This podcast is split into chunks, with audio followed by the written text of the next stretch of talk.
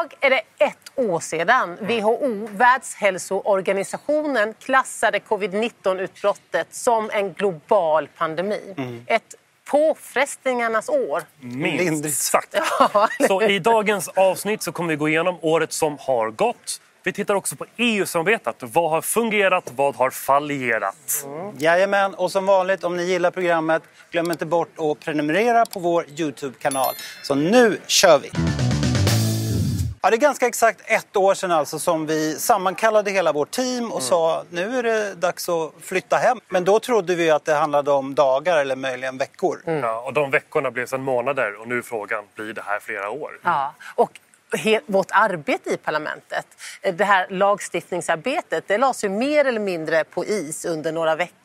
Alltså från att sitta liksom i utskott och ha förhandlingar så blev vi ganska paralyserade innan vi sen kom igång med teknikens hjälp. Men de första månadernas eh, beslut handlade ju sen i stort sett bara om coronarelaterade beslut. Och det gör att vi tappar fart i Ja. andra viktiga samhällsutmaningar som, Ja. som klimatfrågan. Men där börjar vi äntligen komma igång igen. Ja. Det är bra. Och här, vi som har levt och, och jag som har barn här nu i Bryssel i Belgien där det blev lockdown väldigt tidigt Mm. på ett väldigt kraftfullt sätt. Just för att man också är i mitten av Europa och det finns väldigt många människor som eh, reser och far mellan de olika EU-länderna. Så blev det så tydligt att jag skulle också vara hemma och hemskola barn. Ja, alltså du ska inte bara vara parlamentariker, ansvarig för Europas framtid. Också förälder och sen så lärare dessutom. Nej, men, det, nej, men eh, respekten för skolvärlden Ja. och lärarna och all annan skolpersonal har ju ökat liksom, med 110 procent. Jag hade hög respekt innan, men det de gör och hur det här också har drabbat barnen.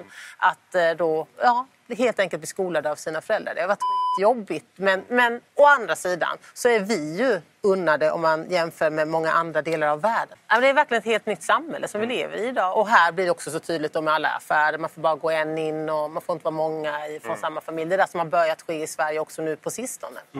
Men det här är ju ändå bara lyxproblem om man jämför med hur hårt drabbade många människor är i andra delar av världen. Eh, Det finns ju många rapporter eh, som, som visar på att, framförallt i Afrika kanske, att kanske fler dör på grund av de restriktioner som nu inträffar än Ja. av pandemin i Ja, sig. och restriktioner kanske i andra delar av världen Ja. som i sin tur får sådana konsekvenser att de drabbar de fattiga. Men det är ju alltid så. Alla pandemier, alla orättvisor, allt som sker drabbar ju alltid de med minst marginaler hårdast. Ja, det var någon som i början av pandemin sa ah, this is the great equalizer, det drabbar rik som fattig. Man bara sa nej. Nej, nej, nej, nej, det det aldrig drabbar de utsatta hårdast. Alltid. Ja, det här året har ju minst sagt varit påfrestande. Jag tänker ofta på vad som hände precis i början när Italien drabbades Ja. som inget annat land i världen och inget, därmed inget annat land i EU. Det var ju, det var ju fruktansvärt att ta del av de här nyhetsrapporteringarna. Och Italiens regering och Italiens folk vädjade då till sina grannländer, till EU, sin, sin stora gemenskap, hjälp oss. Alltså de drog i alla nödspakar eller trådar man kan dra i. Hjälp oss, vi behöver personal, vi behöver material, människor dör. Och vad hände då? Mötte vi dem med solidaritet? Nej, alla blev livrädda. Alla länders regeringar drabbades av panik och började bunkra material själva för att man förstod att det här går åt och nu gäller det att skydda sig själv. F- dåligt. Jag skäms fortfarande med det. Och jag minns så väl när Ursula von der Leyen äntligen tog till orda och bad om ursäkt flera månader senare. Hur bra det var. Men eh, ont, det, är ju fortfarande, det har fortfarande hänt. Och då, det har satt djupa sår och spår. Och, och hela grunden för EU, det allra, allra viktigaste, det är ju just att vi ska hjälpa varandra och ha en gemenskap. Solidaritet. Ja. Ja, Och en fri rörlighet. Ja, och inte minst när vi går igenom en kris. Ja, men vad hände då? Nej, men istället till exempel Tyskland, EUs motor, de införde ju exportförbud av eh, helt livsavgörande material, sjukvårdsmaterial. Alltså det sveket är ju enormt. Ja. Och där kan man också säga att det är inte bara osolidariskt, också ineffektivt. Vi hade varit så mycket mer framgångsrika i bekämpningen av smittspridningen om vi hade hjälpt Italien hålla stånd precis i början. Då hade vi nog varit någon annanstans nu. Exakt. Vi har alltså varit ineffektiva och osolidariska när det gäller att hantera själva Lose, krisen. Verkligen. Men det har ju också slagit mot just själva EU. Som, Ja. Som idé. Som ja, idé, som idé. ja. Och det Själva finns ju grunden. de som hävdade att covid-19-pandemin det är slutet på idén om att EU kan arbeta i någon sorts gemenskap. Och vem vet, det kanske är så.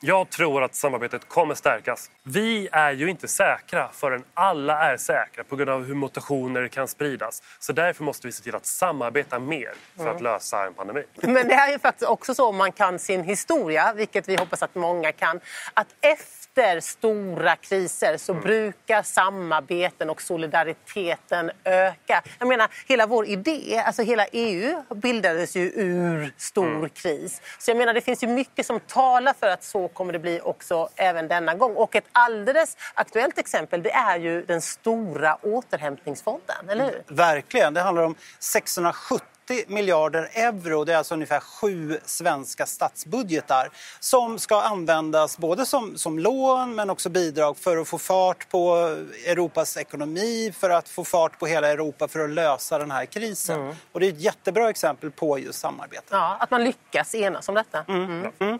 Och det som är extra roligt, om man får säga så i det här sammanhanget, det är ju att eh, kommissionen är ganska tydliga med att den här omställningen och, återuppstarten ska vara så grön som möjligt. Det här är något som vi gröna såklart kämpar för att den ska bli. Ja, men det, finns det, hopp. det finns ett hopp där. Ja, det finns ett hopp, men vi måste fortsätta att ligga på kommissionen Vi måste för att granska dem. bli en omställning i, när vi nu bygger upp EU igen. Och en annan sak som är väldigt bra tycker jag med vårt samarbete är ju vaccinet. Att vi har lyckats köpa in vaccin till hela EU som nu efter mycket om och men ska tilläggas ändå sprids till alla medlemsstater. Eller hur? Jag, alltså jag längtar så mycket efter den där dagen när man sitter där och får den där sprutan i armen. Första Va? gången. Ja, första, och sen andra gången. Tredje och fjärde och femte. Jag vet inte hur många gånger man kommer Ja, behöva. Men åh, jag längtar. Ja, jag längtar också jättemycket efter vaccin. Tänk på det tills vi ses nästa gång. Ja, Om hej en vecka. Och glöm inte att prenumerera.